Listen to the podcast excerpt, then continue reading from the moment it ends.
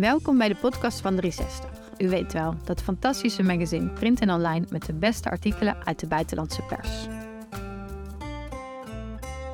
Klets met mij. Uit de Süddeutsche Zeitung, geschreven door Titus Arnoux.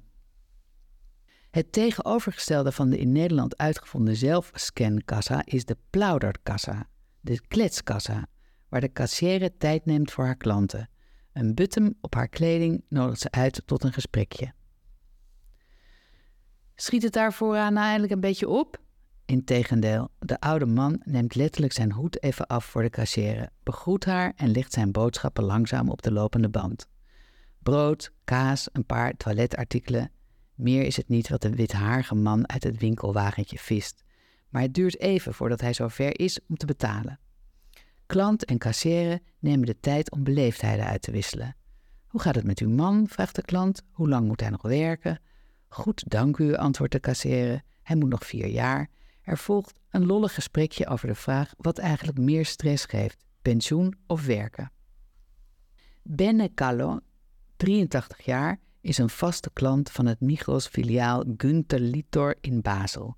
Hij kent Nadine Dangel al 33 jaar. Zo lang is ze al kassière in deze supermarkt.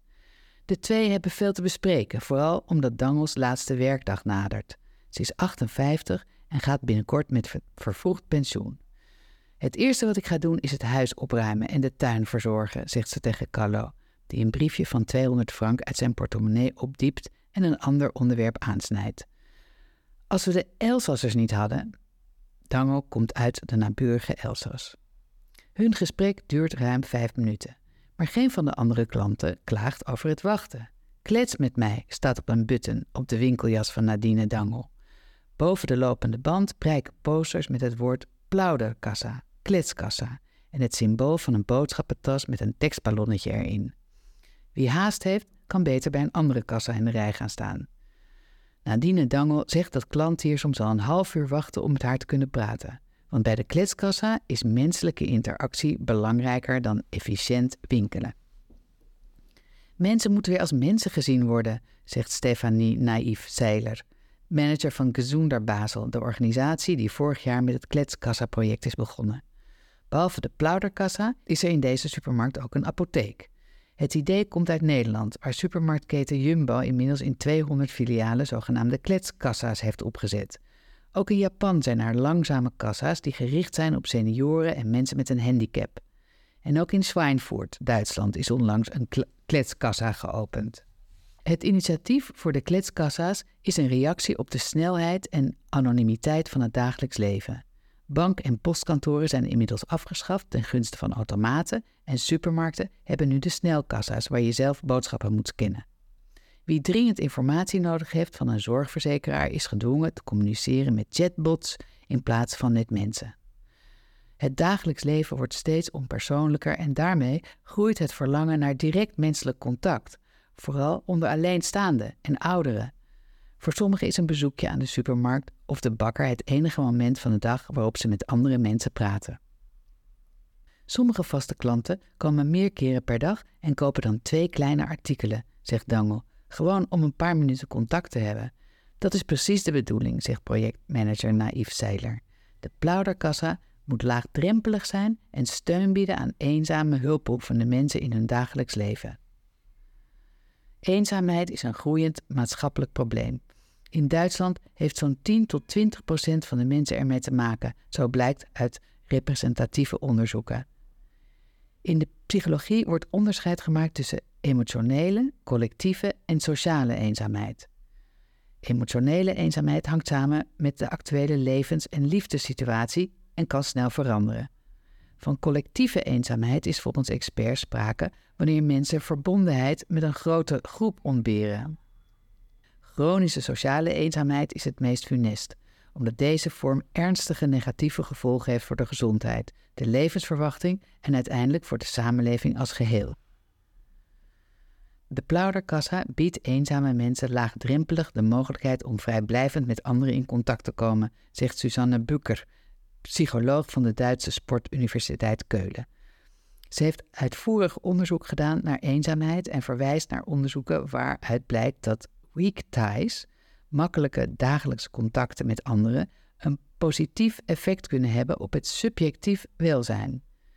Eenvoudiger gezegd, een praatje bij de kassa is goed voor je, want doorgaans betreft het onproblematische vriendelijke uitwisseling met een ander. Het hoeft geen diepgaand emotioneel gesprek te zijn, zegt Bukker. Belangrijker is dat mensen zelf de aard van de interactie kunnen bepalen, zonder dat ze meteen hun gevoelens van eenzaamheid hoeven prijs te geven, want eenzaamheid stigmatiseert. Demografische veranderingen, digitalisering en niet in de laatste plaats de coronapandemie behoren tot de factoren die tot meer eenzaamheid hebben geleid. Niet alleen oude mensen worden erdoor getroffen. Onderzoeken tonen aan dat eenzaamheid in toenemende mate ook jongeren en jongvolwassenen treft. Dat is ook de ervaring in Basel. Na een half jaar werd het proefproject van Xunder Basel geëvalueerd met verrassende resultaten. Eén op de negen klanten maakt af en toe een praatje met het personeel aan de kletskassa. En dat zijn even vaak mensen met een baan als oudere mensen. Het zijn vooral de vrouwen die even willen kletsen, zegt Nadine Dangel. Ze vinden het makkelijker. Ze praten over gewone dingen zoals het weer, sportevenementen, feestdagen, vakanties, politiek, huisdieren of recepten. Maar sommige klanten nemen haar ook in vertrouwen over privézaken en problemen. Een oudere vrouw vertelde steeds weer over haar zoon, die zijn baan was kwijtgeraakt.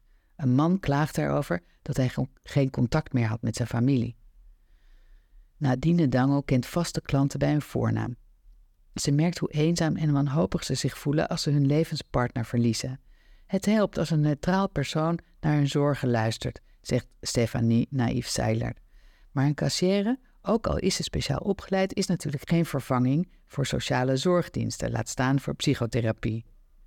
Bij de Plauderkassa staan vrijwilligers van Kezunder Basel, die de klanten helpen met inpakken en dragen van hun boodschappentassen.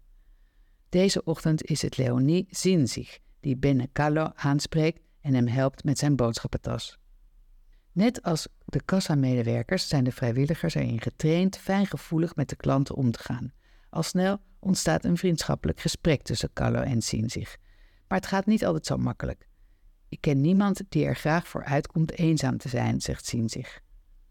Als het nodig is, geven de vrijwilligers tips over hulpdiensten of ze geven telefoonnummers van meldpunten of adressen van inloophuizen.